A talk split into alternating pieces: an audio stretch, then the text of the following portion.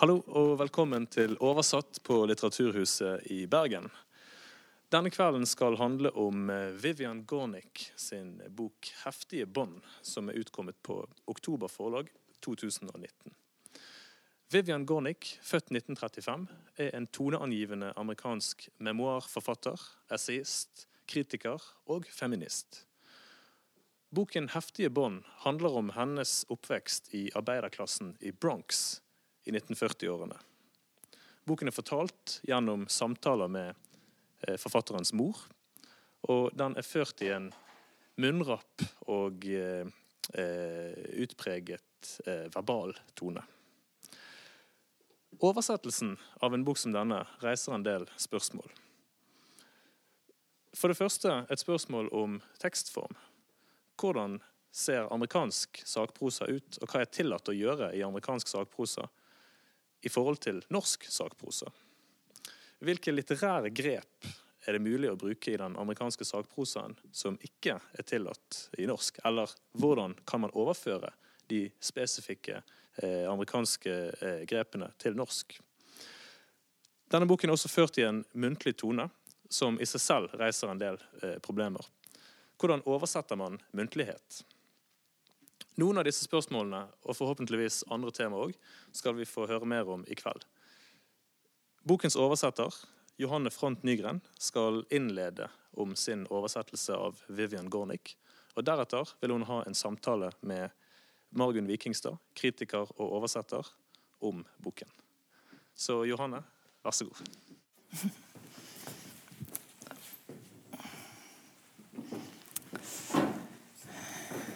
Takk, Espen.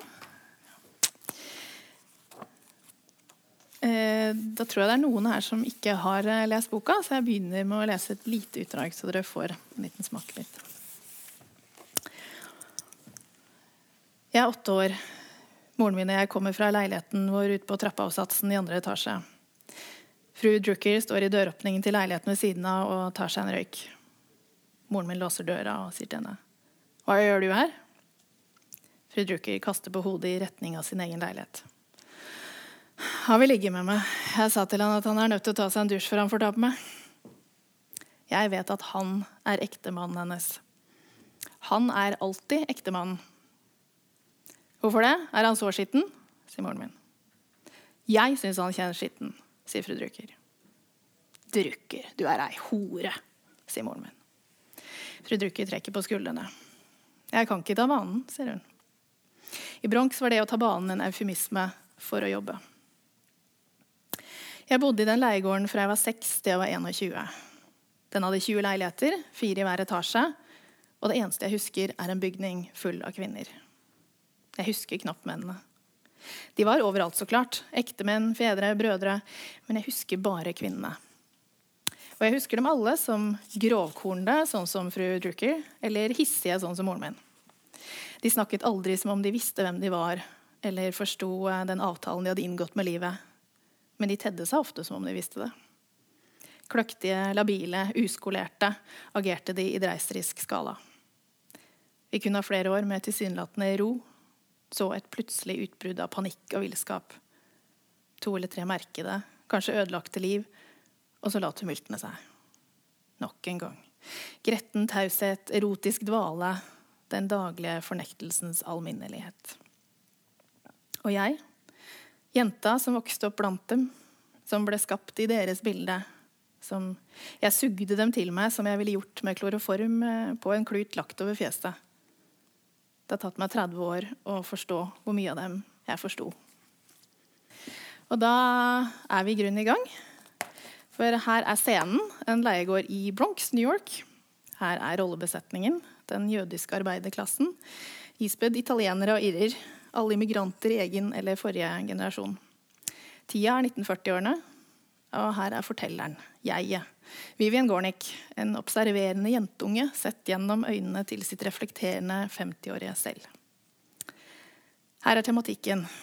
Det storpolitiske spillet mellom kjønnene. Han vil ligge med meg. Jeg sa til han at han er nødt til å ta seg en dusj før han får ta på meg. Økonomien som avgjør om du kan velge hvem som får ta på kroppen din. Retten til eget arbeid og utdannelse som bestemmer radiusen på livet ditt. Jeg kan ikke ta banen. Fru Drucker kan ikke forlate nabolaget. Hun har ikke en jobb som kan hente henne ut derfra og inn til Manhattan på Subwayen. Om hun ikke har de påkrevde ferdighetene, språket eller om mannen nekter henne å jobbe, det vet vi ikke. Men det helt konkrete, konkrete handlingsrommet hennes består av en leilighet, en dør og en trappeoppgang. Men uten at dette gjør henne stusslig.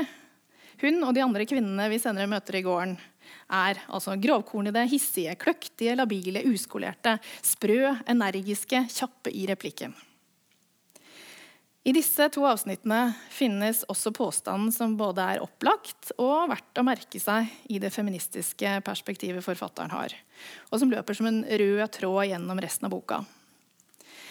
For vel setter det fortsatt mannsdominerte samfunnet premisser gjennom sin arbeidsfordeling, men det er kvinnene som former selvbildet til neste generasjons kvinner.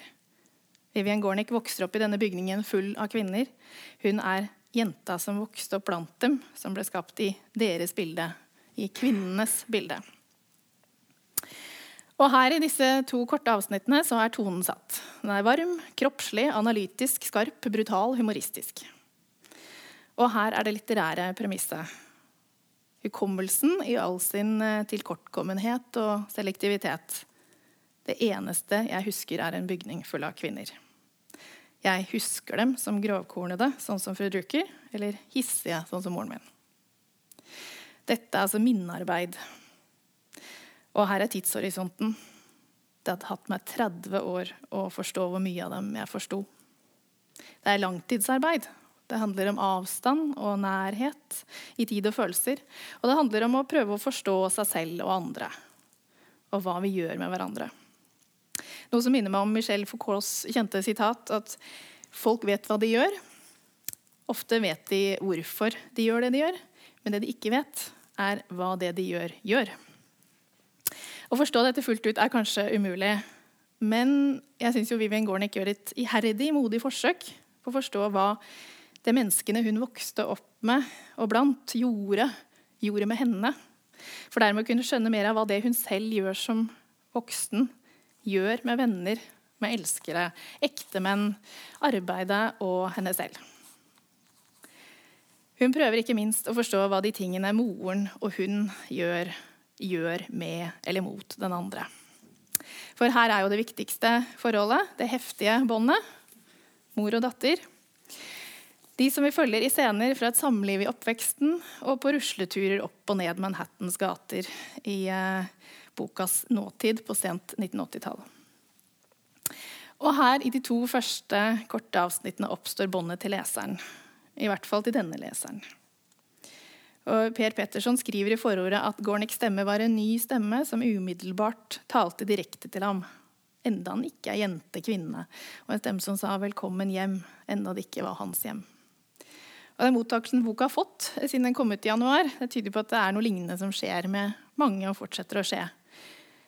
Så da er spørsmålet, Hva er det med denne boka som gjør den til en sånn bok man bare må lese? For det vil jeg jo påstå at den er. Og det selv om den er over 30 år gammel, beskriver eh, liv levd for 80 eh, år siden og enda lenger tilbake, og altså ikke er en roman engang. Og akkurat dette har jeg lyst til å snakke litt mer om, for eh, temaet i kveld er jo sakprosa. For når jeg sier at dette er en bok man bare må lese, en bok som er på manges lepper og blir trykket i mange bryst, på tross av at det ikke er en roman, så er det selvfølgelig litt spissformulert. Men ikke så veldig den norske litterære virkeligheten tatt i betraktning. Virkeligheten er vel noe vi skal snakke mer om etter hvert. Eh, kanskje kan jeg driste meg til å si at heftig bånd leses med den samme begeistrede følelsen av å ha blitt bokas karakterer, og den samme innlevelsen som norske lesere vanligvis forbeholder den gode romanen og dens karakterer. Hva er det som gjør at denne memoarboka leses på et romanaktig vis? Eller er det på sin plass spørre hvorfor dette ikke er en roman? Det er betegnende at jeg instinktivt søkte Norsk oversetterforening eh, om støtte til denne oversettelsen av eh, denne boka og den neste, som jeg så vidt er i gang med, som kommer neste år. Som heter The Odd Woman and the City, som er en slags frittgående fortsettelse. Eh, ja, Det kan hende det sier noe om at jeg bare er treig i oppfattelsen, men det skal jeg la ligge for argumentets skyld. Men uansett så fikk jeg ikke noe stipend fra NO, fra Oversetterforeningen, og så fikk jeg summa meg litt og skjønte at jeg måtte jo søke NFFO, for dette er jo en sakprosabok. Eh, jeg har gjort én memoarbok tidligere, langt tilbake i 2007. Aller første boka jeg oversatte, som het 'En øy for seg selv'. Og beskrev newzealenderen Tom Neals 17 år på en øde øy i Stillehavet. Og det falt meg aldri inn å tenke på den boka som noe annet enn sakprosa.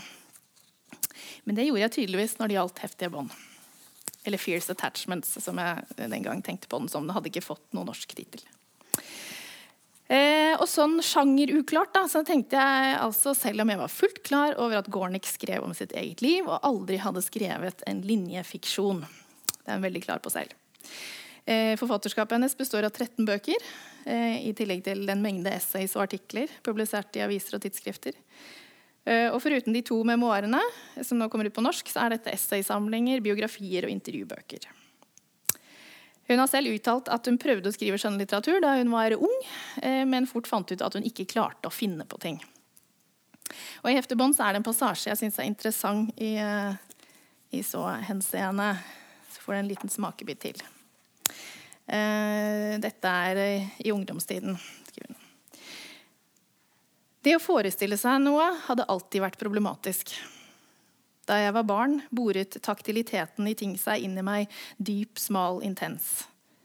Grusetheten i gata, den kritthvite lufta på apoteket, årringene i tregulvet på biblioteket, osteblokkene i kjøleskapet i kolonialen. Jeg tok alt sammen så alvorlig, så bokstavelig. Jeg eide ikke forestillingsevne. Jeg viet tingenes utseende og taktilitet en slags dåraktig oppmerksomhet rettet et ufravendt indre blikk mot verdens prototype ansikt. Disse gatene var alle gater. Disse bygningene var alle bygninger. Disse kvinnene og mennene var alle kvinner og menn. Jeg klarte ikke å forestille meg annet enn det som sto foran meg. Eh, dette høres kanskje snevert ut, men som heftig bånd viser, så er det nettopp dette inntrengende blikket og dette alvoret og denne akutte sanseligheten som gjør det mulig for oss lesere nettopp å forestille oss de livene hun beskriver, og som gjør dem levende for oss. Gorniks evner som iakttager av det faktiske livet som utspiller seg rundt henne, varheten for de taktile omgivelsene, er grunnlaget for beskrivelsenes umiddelbarhet. Denne umiddelbarheten som får oss til å føle at vi er der, er kvinnen i leiegården. Dette og selvfølgelig Gorniks evne til å finne et språk for disse iakttagelsene. Strukturere dem, finne en komposisjon som tjener dem. Men uansett, altså selv om jeg visste dette, at Gornik ikke fantaserte fram ting, og jeg hadde lest de fleste bøkene hennes på det tidspunktet, så skrev jeg det som oversetter til verket med den samme holdningen som jeg har hatt i gode skjønnlitterære bøker jeg oversatt tidligere. Hva vil det si? Jo, at jeg skal forsøke å være lydhør overfor stilistikken. Altså for tone, stileie, ordvalg, rytme, lydbilde, syntaks, historiske nyanser. Denne boka har jo ikke noe spesialisert faglig vokabular. Det er ikke en fagbok. Eh, den byr på utfordringer hva angår slang og muntlighet og ulike talemåter fra flere tiår. Men dette skiller seg ikke fra utfordringer man ofte finner i skjønnlitterære oversettelser. I Gorniks tilfelle handler utfordringene mer spesifikt eh, om det jeg vil kalle det slags språklige konglomeratet, sammensatt av det bronsk-uvørne, det for fint beleste og det psykoanalytiske eller terapeutiske vokabularet. Eh, og noen vil sikkert innvende at alle forfattere har et sammensatt språk. Men med tanke på noen av de andre bøkene jeg har oversatt, så vil jeg si at språket til Gornik er mer uensartet enn de fleste. Evelyn Waugh, eksempel, som er oversatt, han har et gjennomført konservativt, alltid forfinet, snirket, overdådig språk. Lydia Davies, en annen forfatter, amerikansk forfatter, er oversatt. Klar, distansert, finslipt, nedstripet. Miranda July, en annen amerikaner. En annen generasjon. Eh, eterisk, ungdommelig, californsk. Eller for å gå tilbake til min første memoaroversettelse, Tom Neal, praktisk, ganske omstendelig og hverdagslig. Men ingen av disse forfatterne har foretatt noen større klassereise. De skriver ut fra miljøer de både kjente som barn og lever i som voksne. Gornick derimot har med seg arbeiderklasseoppveksten i Bronx på 1940-tallet. Universitetsutdannelse fra 1950-tallet. Feministisk dannelse, ikke minst, i Greenwich Village på 1960-tallet. Og psykoanalytisk dannelse fra 1970-tallet. Jeg tar med det fordi hun er veldig klar på det selv, at psykoanalysen har lært meg alt jeg vet. Og det er denne blandede bakgrunnen som gjør seg gjeldende i Gorniks liksom, språklige konglomerat. Eh, og da tenker jeg altså ikke først og fremst på de ulike personene som opptrer i boka, og de ulike sjargongene og stileiene deres som forfatteren gjengir, selv om de også absolutt har gitt meg hodebry. For altså, Rollegalleri består ikke bare av barndommens jiddisktalende mødre, men også av mange av gatas løse fugler som mor og datter møter på sine turer på Manhattan.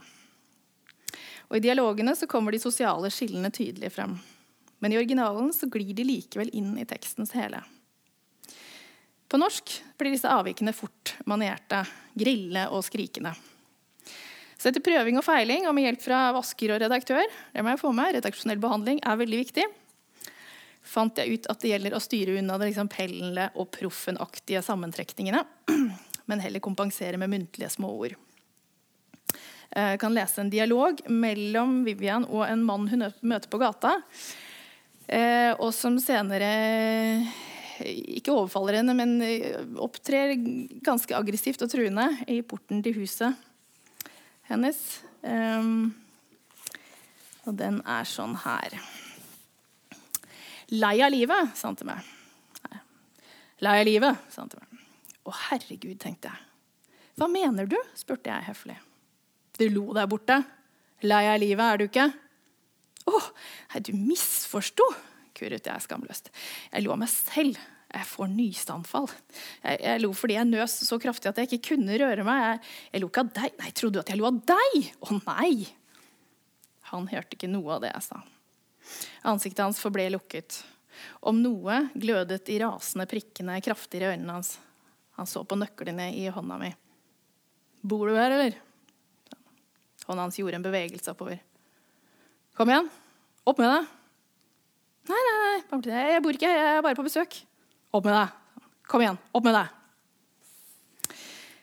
Eh, I den første utgaven her så hadde jeg noen flere sammentrekninger. Så det var sånn Lei av livet er du ikke. Og når jeg leser, så blir det jo litt sånn, men på trykk så ser det helt corny ut. Eh, så må man jo beholde noe av det, men da fant vi ut at vi har bare beholdt eh, eh, lei av livet. Der er det en apostrof. Men Boru, Boru her, den ser ikke bra ut på trykk. Så den falt ut. Men da kan vi heller si bor du her, eller? For da får man muntligheten. Så det er en slags sånn kompensasjon. Så en del sånne ting er det her. Eh, og vi hadde det samme i det første avsnittet jeg leste også. Eh, der fru Drucker sier at eh, jeg sa til han at han er nødt til å ta, seg, altså, en dusj før han får ta på meg. Og eh, der prøvde jeg meg først på Jeg sa til han at han Ikke sant? Og det blir litt sånn når jeg leser det. Men igjen så ble det for corny. Så det eneste vi beholdt, var 'Jeg kan ikke ta banen'. Eh, Dessverre så sirkulerer det noen sånne bokhandlerutgaver der disse tingene er med. Det er helt forferdelig. Det skjedde uten min viten og vilje, og det er grusomt å vite at det er noe jeg ikke har godkjent som er der ute. Ikke les bokhandlerutgaven. Eh, men mer enn dette så handlet egentlig utfordringene om å finne fram til den riktige sammensetningen i Vivian Gornix, altså fortellerens egen tone. Å finne ordene med de riktige konnotasjonene, den riktige klangen og finne den riktige sammensetningen av dem Å la det uensartede stå sammen og likevel skape et slags klangfullt hele. Det handlet også om å finne den rette balansen mellom det breie og det konservative. Altså 20 eller 20. Det, der vakla jeg lenge. Fram og tilbake. Så endte det på 20. Det var helt riktig. Sånn som eller laget og lagde. Vi har heldigvis veldig mange muligheter på norsk. Og ikke minst så betydde det å avstemme A og E en-endelser. Så språket gjenspeilte det jeg oppfatter som Gorniks klassebereiste stilleie. For hun har ikke mista den bronske saftigheten og gatesmartheten, men hun har også i tillegg tilegna seg et vokabular og en tone som ligger utenfor dette nabolaget. Eh, og det er denne rikdommen som ofte gir uventede kombinasjoner i teksten som er viktig å beholde. Eh, og så er det setningen hennes. De er til tider lange, flerledda beist som ikke får plass innen leiegårdens murer, og knapt finner seg til rette innenfor den norske syntaksen. Eh, at setningsbygning er del av klassereisen, beskriver Gornik treffende eh, i en scene som jeg skal lese. Der hun nylig avlagt sin siste eksamen ved universitetet, og moren har til sin store forskrekkelse oppdaget at datteren ikke er blitt lærer og fått seg en respektabel yrkestittel, i løpet av studieårene. Hun har jo bare sittet oppe til langt på natt, diskutert med jevnaldrende og lest romaner. Men likevel så er det ikke det som opprører moren mest. Det er Skal vi se Nei. Det som drev henne og splittet oss, var at jeg tenkte. Hun hadde ikke forstått at det å gå på skole betydde at jeg ville begynne å tenke. Sammenhengende og høyt. Hun ble voldsomt overrasket. Setningene mine ble lengre i løpet av den første måneden med forelesninger. Lengre, mer kompliserte, formet av ord hun ikke alltid kjente betydningen av. Jeg hadde aldri før sagt et ord hun ikke kjente til, eller lagd en setning hvis logikk hun ikke kunne følge. Eller forsøkt meg på en påstand som sprang ut av en abstraksjon. Det gjorde henne sprø. Ansiktet hennes fikk et drag av dyrisk sluhet når jeg begynte en setning det ikke var mulig å avslutte før tre setningsledd hadde truffet lufta. Sluheten tente sinne. Sinnet flammet opp i raseri. Hva er det du snakker om? Hva er det du snakker om? Snakk engelsk om MHB! Vi skjønner alle engelsk her ute. Snakk det! Og et eh, eksempel på en setning som mor Gornick antagelig ville reagert på, i er slik i originalen. Jeg kan, klarer ikke å lese amerikansk. Dette kommer til å høres veldig kort ut. Jeg leser det på britisk. Mrs. Kerner was a spellbinder. Hers was the power of the born storyteller, that is, the one for whom every scrap of experience is only waiting to be given shape and meaning through the miracle of narrative speech. Ugg, ville um, antagelig mor sagt. Og eh, Ugg tenkte jeg også litt, eller når jeg med den, for den er ikke så lett å få til på norsk. Og på norsk har den etter mange mutasjoner endt opp slik. Fru, Corner, fru Körner var en forteller. Hennes evner var den fødte fortellers, dvs. Si hun som enhver erfaringsmule bare venter på å bli gitt form og mening av ved fortellingens mirakel. Og det er faktisk et sånt eh, ganske sjelden tilfelle av at oversettelsen er kort kortere enn originalen. Det er ikke så ofte det skjer. Det bare for nerdene her. Men her er vi vel tilbake ved spørsmålet om hvorfor denne memoarboka leses på romanaktig vis, og hvordan den plasserer seg i det norske litterære landskapet.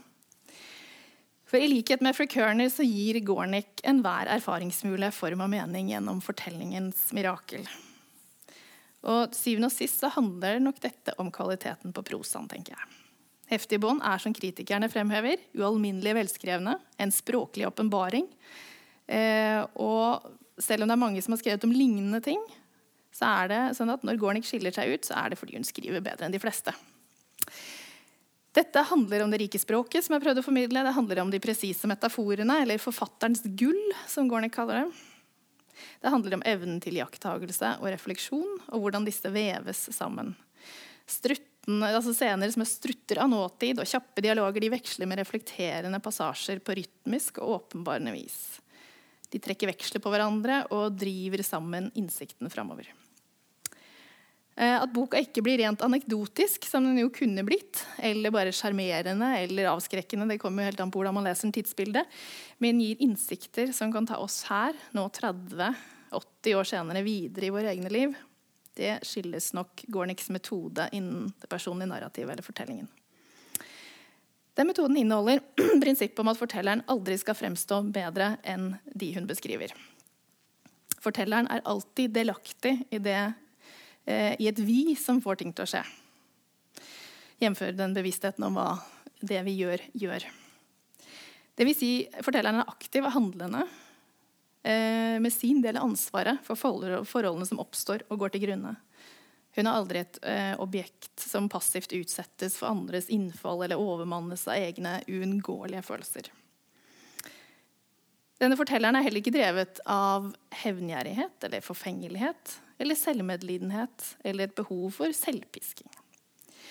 Hun drives ikke av en agenda om å tømre fast sin versjon av begivenhetene, men av et begjær etter å forstå, selv når det stiller henne i et mindre flatterende lys. Og jeg tror at Noe av måten hun får til dette på, handler om å finne den rette avstanden. Hendelsene skal ha rukket å bli erfaringer. Erfaringene skal bli til innsikt før de kan bli litteratur. I boka 'The Situation and the Story', eh, som er et sånn todelt essay om nettopp den personlige sakprosaen, et must for de som aspirerer til å skrive inn den sjangeren, så understreker Gornick at den personlige fortellingen ikke kan være en terapeutisk prosess eller substitutt for den. Du kan ikke ligge på divanen i full offentlighet. Det fins ikke noe kjedeligere å høre på enn terapi på boksidene. Naken selvoppslukthet. sier han. Forfatteren må oppnå en viss grad av selvforståelse og selvaksept for å kunne produsere et personlig narrativ som er relevant for flere. Det handler også i forlengelsen av dette om perspektiv. I den samme boka skriver Gornick om viktigheten av at fortelleren vet hvem som snakker. For vet hun hvem som snakker, så vet hun også hvorfor hun snakker. I Efterbånd så er det datteren som snakker. Dette gir fortellingen helhet. I The Odd Woman and the City er det vennen som snakker.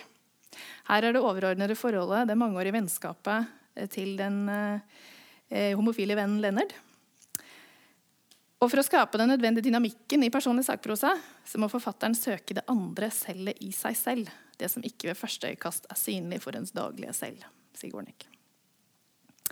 Da er det eh, avslutningsvis her på tide å spørre da, hvem som egentlig snakker i heftige bånd. Er det Vivian Gornik?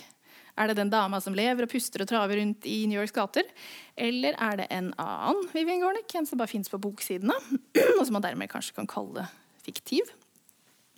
Så selv har hun skrevet om skriveprosessen eh, av denne boka her, at det var en pause fra meget som var meg.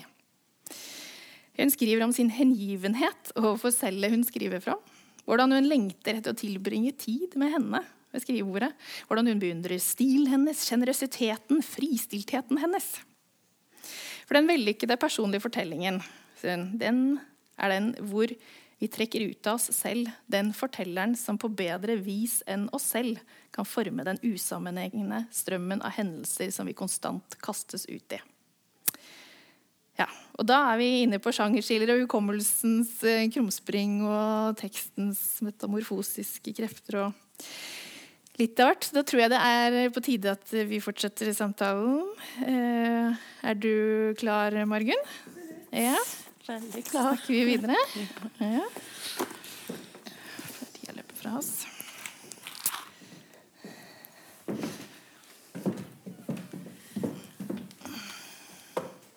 Jeg lurer rett og slett på om vi skal starte litt sånn, eh, med litt sånn himmel over det hele. For altså det, eh, når du sier dette her med at, eh, at en av kvalitetene med teksten til Gornik er det at du har skapt en sånn nødvendig avstand. At, det, at erfaringer har måttet bli til innsikt for at det skal bli bli relevant for andre. Altså, hva, hva, er liksom, hva, er grunnen til at vi i Norge har måttet vente så mange år på at det går, kom på norsk? Der? Altså, dette her er jo en, eh, en forfatter som nå er 84 år gammel, og dette her er altså første Første, på norsk. første ja. utgivelsen på norsk. Mm. Det, altså, jeg tenker jo at, at forlagsverdenen i utgangspunktet er såpass oppegående og ja. orienterte at de snakker om dette her. Men det er, det er jo blant annet eh, altså du, du, har jo gjort ditt for oss å få dette her til, men altså hva, hvordan... Hvorfor har det skjedd nå? Ja. ja. ja. Måtte liksom det norske folk vente, eller var de ikke klar for en sånn type tekst før nå, tenker du? Men det er jo ikke bare Norge mm. eh, som får henne nå mm. i år. Hun har blitt oversatt, Den boka her har blitt oversatt til åtte språk, så vidt jeg husker, i løpet av det siste året. Så dette er et liksom, internasjonalt fenomen. Um, så hun er også stor i Spania og Italia og mange andre steder nå. Mange som har oppdaga henne. Mm. Uh, hun har også oversatt til dansk nå nylig. Mm. Uh, nei, jeg har pusha på henne i, i, mange år og har vel egentlig møtt disse argumentene med at uh, ja, det er en gammel dame. Det er i seg selv ikke noe salgsfremmende. Og det er ikke så mye mer å vente fra den dama. og litt sånn Ja, men det er så mange som har skrevet om det hva, hva nytt, ja, hva nytt uh, har vi å tilføre? Um, nei, så det er nok litt sånn at plutselig så er det så mange ting som skjer. Hun kom til uh, Jeg hadde en sak i vinduet. Hun kom til Oslo. Uh, på Var med på God natt Oslo. Um, det er nok første og siste gangen hun kom hit, dessverre.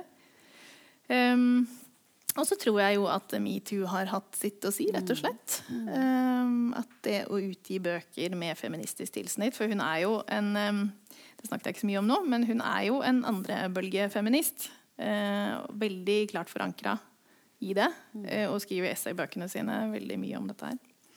Eh, så jeg tenker det er plutselig blitt mer attraktivt da, å gi ut bøker med et feministisk tilsnitt eller en forfatter som er en erklært feminist, enn det var for noen år siden. Mm. Det tror jeg nok har hatt eh, sitt å si. Mm. Og så er det jo litt sånn dominoeffekt at plutselig ser forlagene at oi, dette er stort andre steder Da er det trygt å satse på det.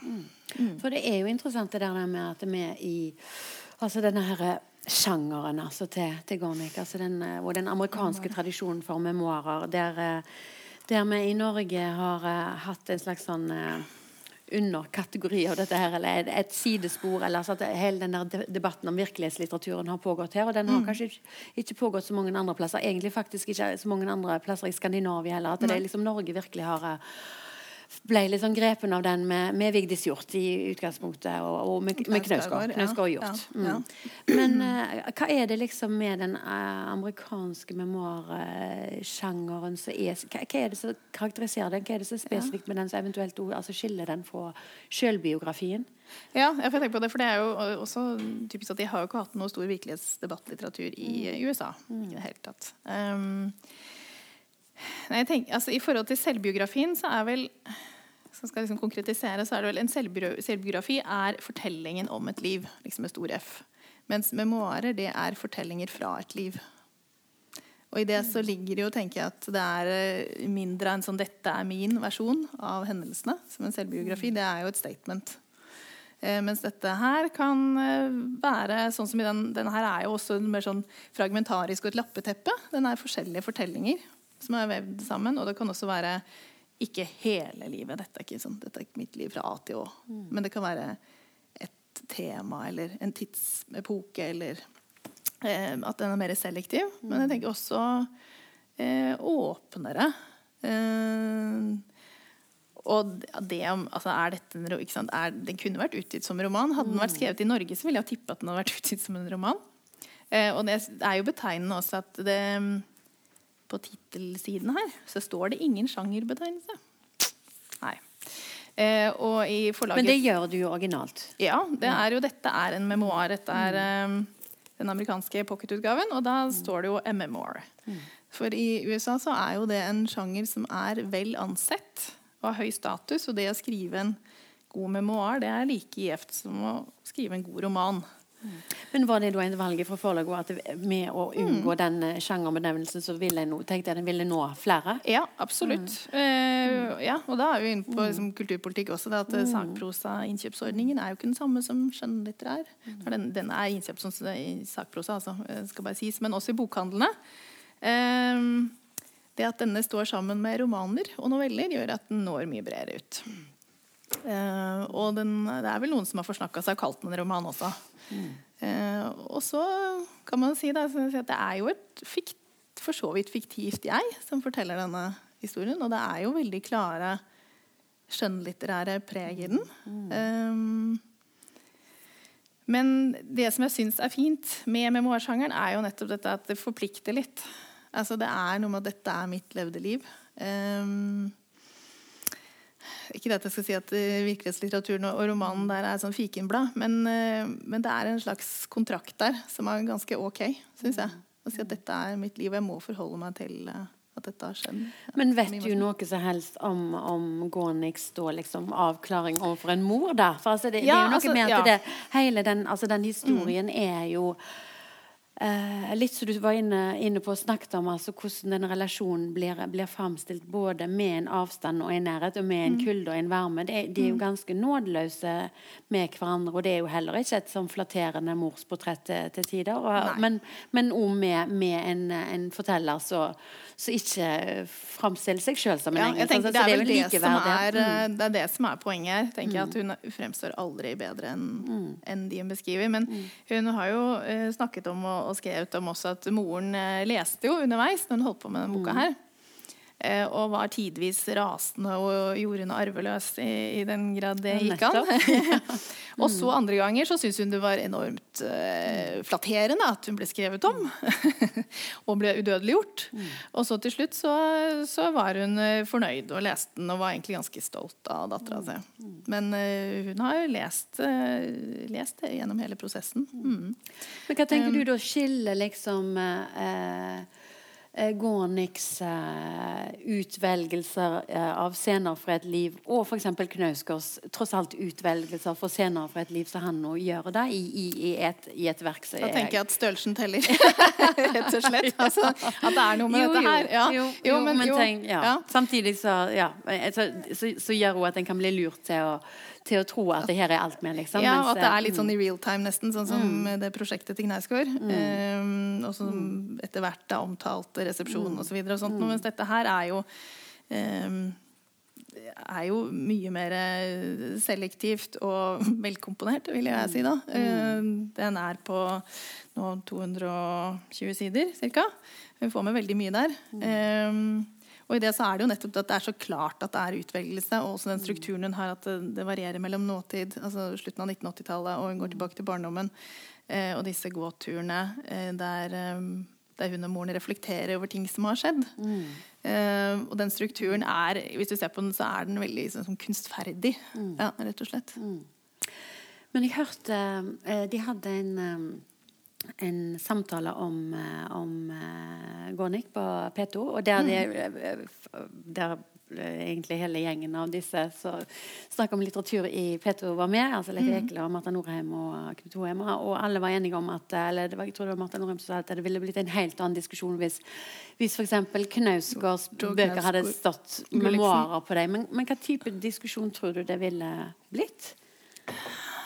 Den er vanskelig å si. Ja.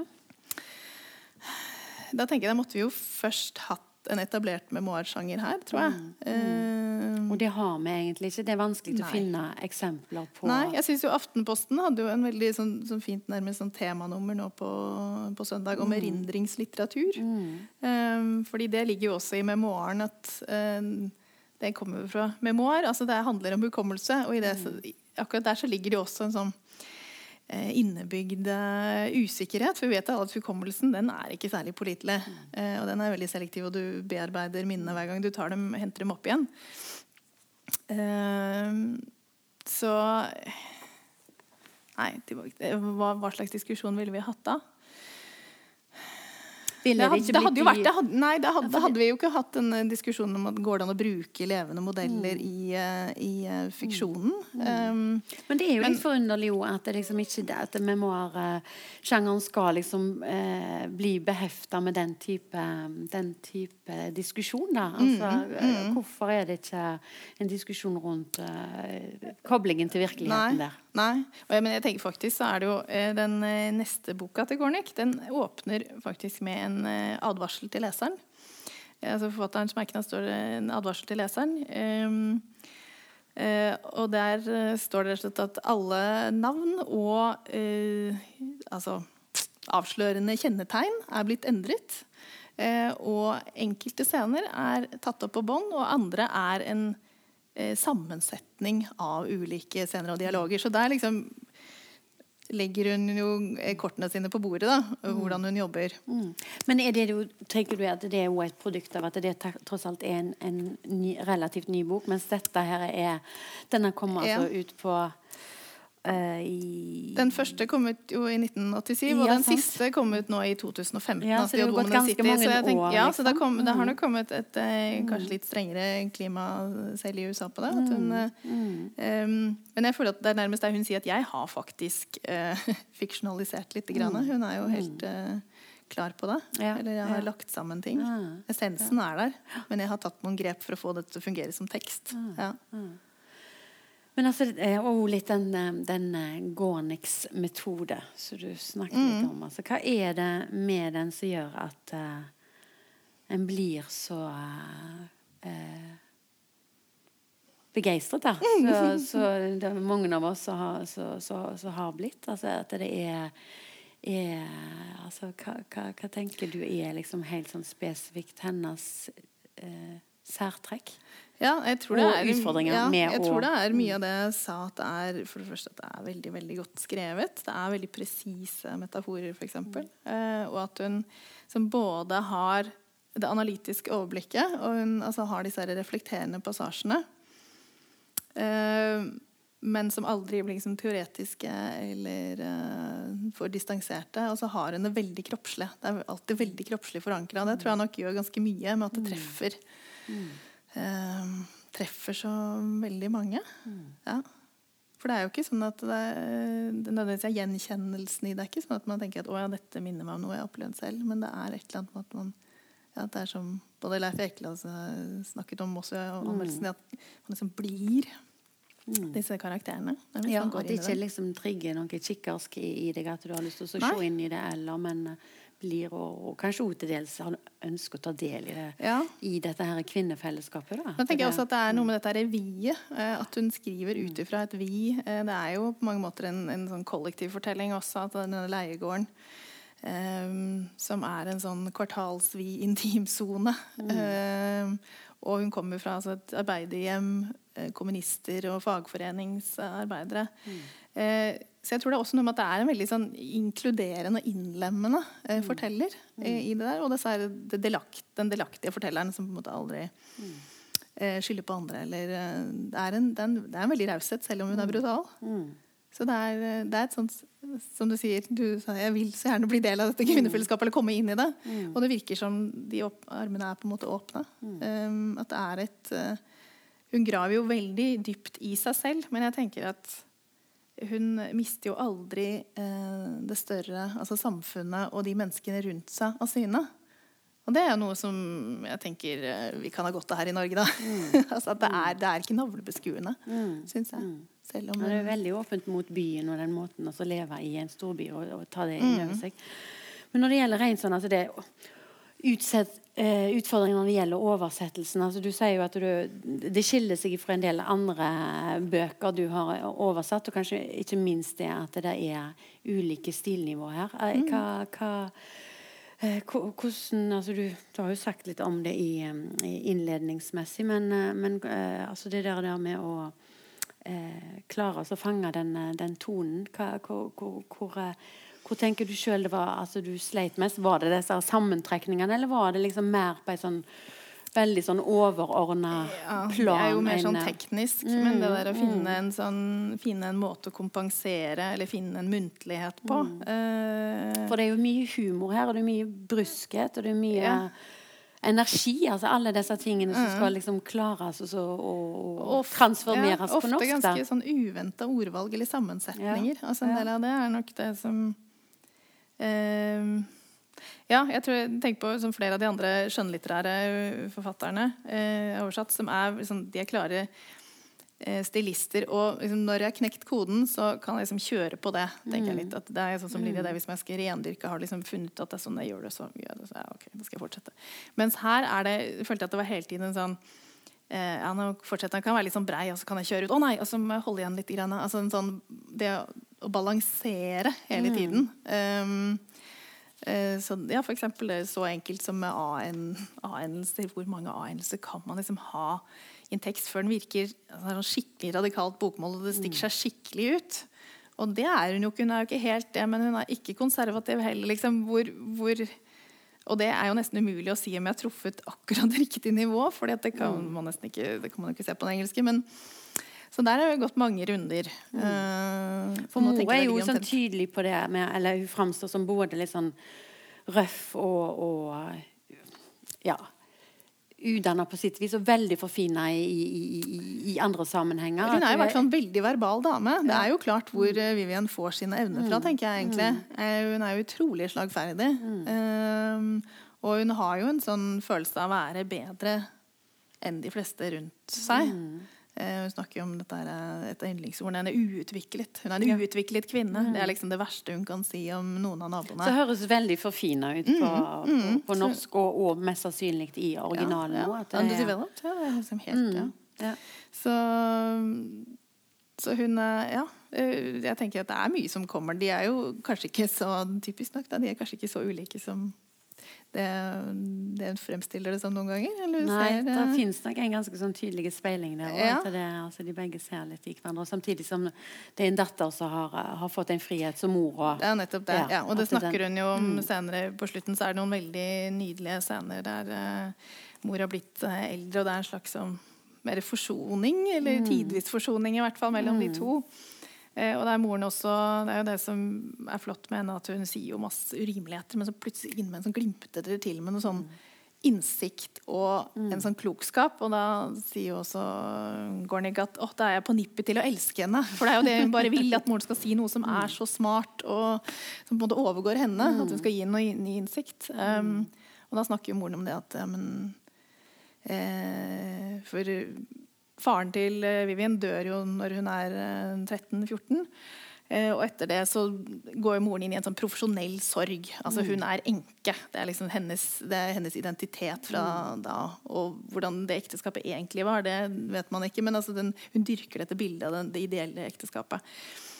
Eh, til eh, Vivians store fortvilelse. Altså hun lever i en slags sånn, eh, sånn likhus, eller sånn ja, en sorg i mange, mange år. Eh, og så konfronterer hun jo moren med dette her. Og da moren sier at men det var jo alt jeg hadde. Altså, eh, kjærligheten fra faren din var alt jeg hadde. Jeg hadde ikke muligheten til å utdanne meg eller arbeide eller reise, for ikke å snakke om det. Du har reist så mye. Og sånn, datteren. Så der har hun en veldig sånn selvinnsikt i det. At det var liksom det som måtte bli livsmeningen hennes. Mm. Og så er det jo veldig sånn nydelig å se hvordan mora i, i den formen for sånn avgrensethet og, og, og litt sånn mangel på armslag og en form for prippenhet og elsker å, å vise fram datteren sin som, som ublu i familien. Det er annet en scene der hun liksom legger liksom litt opp til at det, nå er liksom hun på, på nytt. Hun har den der elskeren der. ja, og, nå, ja, og at det liksom der, der er en sånn eh, så, sånn der, så, så gjør kanskje at en tenker at det finnes en speiling, eller at de forstår hverandre i mye større grad enn de, de nødvendigvis framstår fremstår som, ja. eller ønsker. liksom, og at det er. Og der er det jo eh, tenker, Noe av iallfall så, så appellerte veldig til meg, var det, altså det skildringene av, av disse altså mor og søstera som kommer på besøk til, til Tante Sara. ja, og der de liksom, det eneste de gjør, er å krangle, liksom. Og så Men det bare- er de søren meg god på. ja, jeg er skikkelig god at du sier at du Som min avslutning at du bare elsker å ha dem på besøk. Liksom, at det er en sånn Lise i eh, så. Men det er denne gleden ved språket Ja. uh, igjen. Da, for at de, de krangler jo på et ekstremt raffinert vis.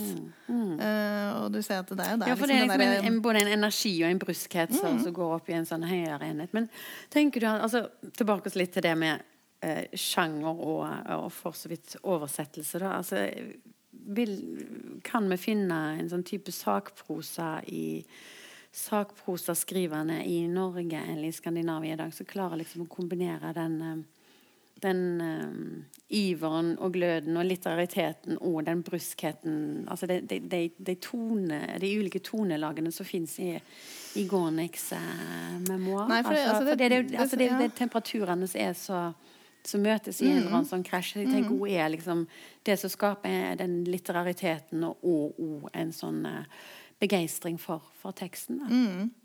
Ja, nei, for det, det snakket vi så vidt om på forhånd. Der, eh, hvordan kan man så plassere dette her i det norske og det skandinaviske landskapet? For altså, Hvilke andre lignende bøker har vi? Og, og litt sånn også tilfeldig ja, hvilke har blitt utgitt som skjønnlitteratur, og hvilke er utgitt som sakprosa? Eller som vi snakket om Anne Bitz. Altså, går du nå?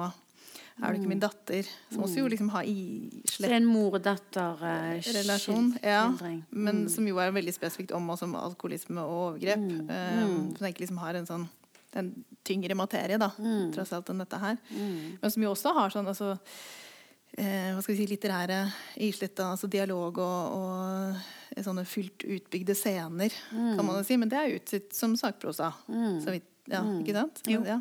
Mens, Og eh, fikk jo kritikerprisen som beste er nettopp sakprosapris i fjor. i fjor. Ja. Ja. eh, mens Og så er det Aivo de Figuredo som har skrevet bok om sin far. ja.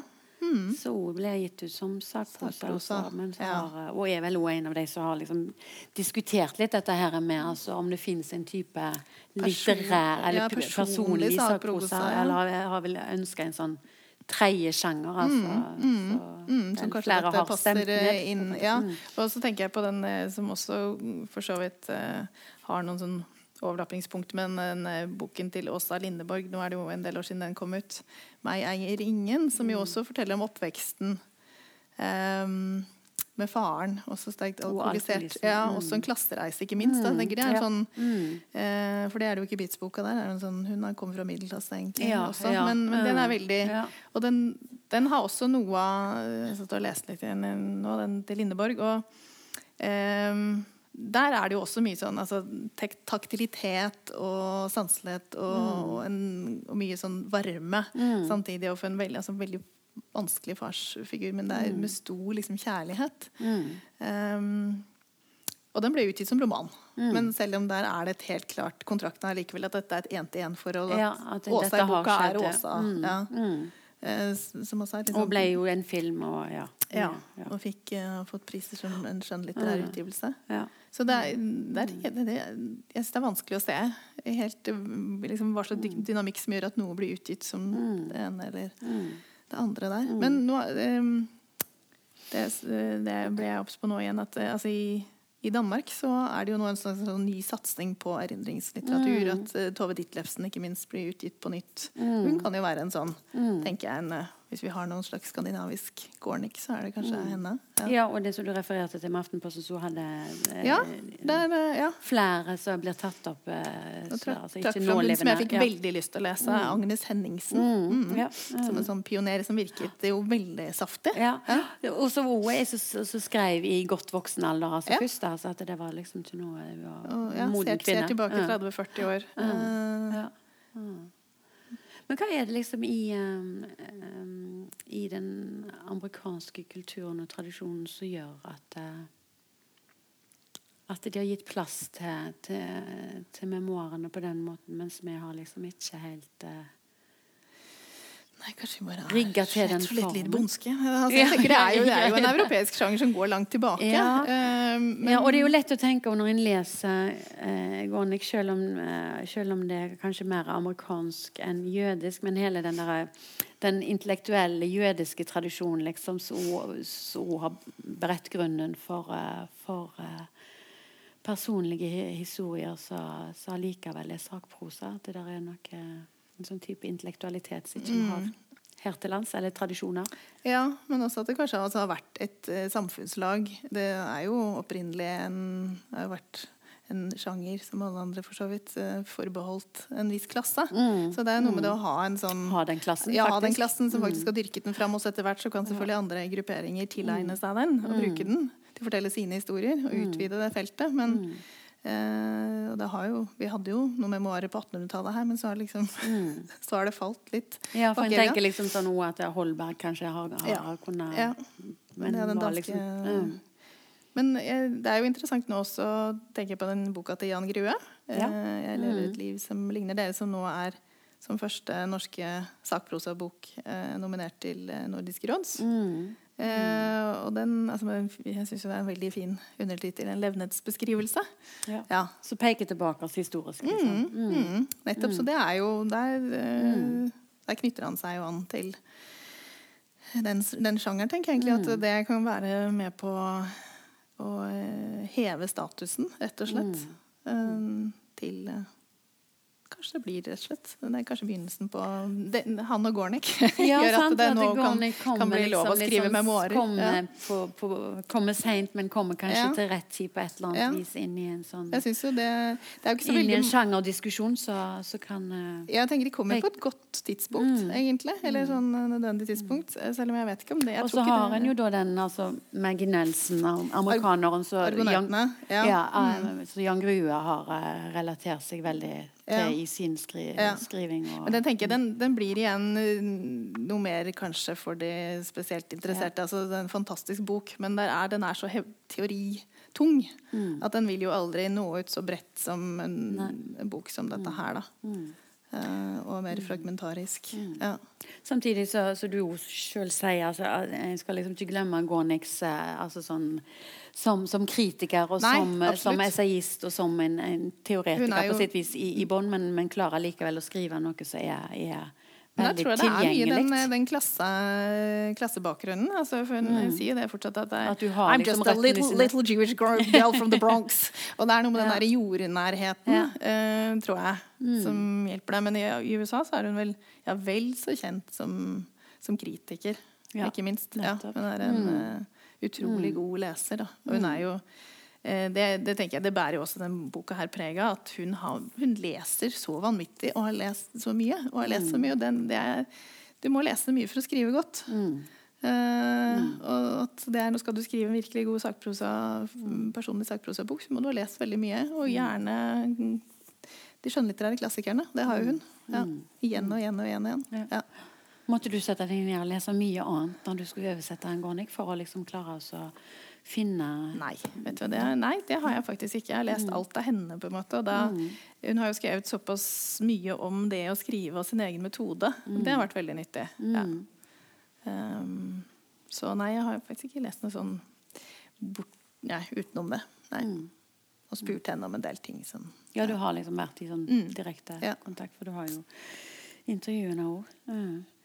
Eh, jeg, jeg, har liksom litt lyst til at du skal lese litt til, for jeg syns det er så mange sånne Lese en siste liten ting, ja, før vi eventuelt for, og, åpner opp for liksom, spørsmål? Ja, og, ja for oss. For jeg, jeg synes blant, altså det er jo noe Lese noe mot slutten der, kanskje? Ja, den der på side 214. Eh. For altså det eh, Hvis jeg skal liksom si noe om min eh, Min reaksjon og min, min, mm. min eh, Grunnen til min begeistring for denne teksten, så er det jo noe som du kanskje også setter ord på i, når du snakker innledningsvis med at en opplever en, en eh, Altså dette minnearbeidet, da så er så mm. tydelig, og at, at, det er en, en bearbeiding av minner der hun både altså, står på avstand og, og, og klarer å, og reflektere over det. Samtidig så skaper en nærhet, bl.a. I, i dialoger, og sånt, mm. som så, gjør at mm. en, en, en, er både liksom Og det taktile, tenker jeg. Ja, sant, altså, ja, at en, både, en får den luften, og dermed så kan en òg um, på en måte koble seg på dette jeg, sånn at mm. en ikke blir helt sånn invadert av det. Og så samtidig så er det en nærhet der. Mm.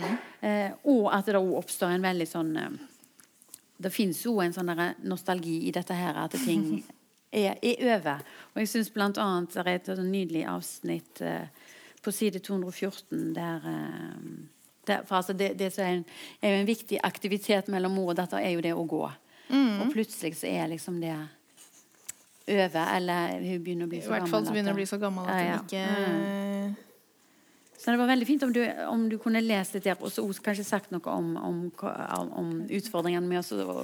ja, altså Det er jo noe med å klare å finne tonen i, i, det humoristiske og det bruske mellom dem, men òg mm. den derre hva skal jeg si, den, eh, den melankolien som tross alt fins eh, i, i, den relasjonen mellom de andre ja, tingene. Eller du, skal jeg, jeg tenkte jeg lese den der dialogen Eh, der de snakker om eh, nettopp dette her med kjærligheten, og som ender ja, på en veldig ja, fin måte der. Ja, ja, for der er det dialog hos ja. mm, Gjerne. Mm. Eh, for det er altså mot slutten av boka, og på en måte mot slutten av deres eh, forhold, da, som der moren har blitt såpass gammel at de har liksom måttet legge om noen av vanene sine. Og, men så snakker de om dette fine at åh, noen ganger sånn, de, de, går inn i det samme sporet igjen og igjen, og det samme skjer, og de kommer ingen vei. på en måte. Men så plutselig så er det noen overraskelser, og så plutselig skjer det noe nytt. Og denne gleden over det.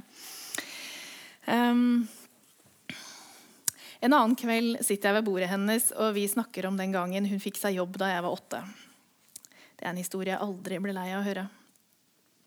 Hva fikk deg til å bestemme deg for å gjøre det, Ma? Jeg mener, Hvorfor akkurat da i stedet for hvilken som helst annen gang?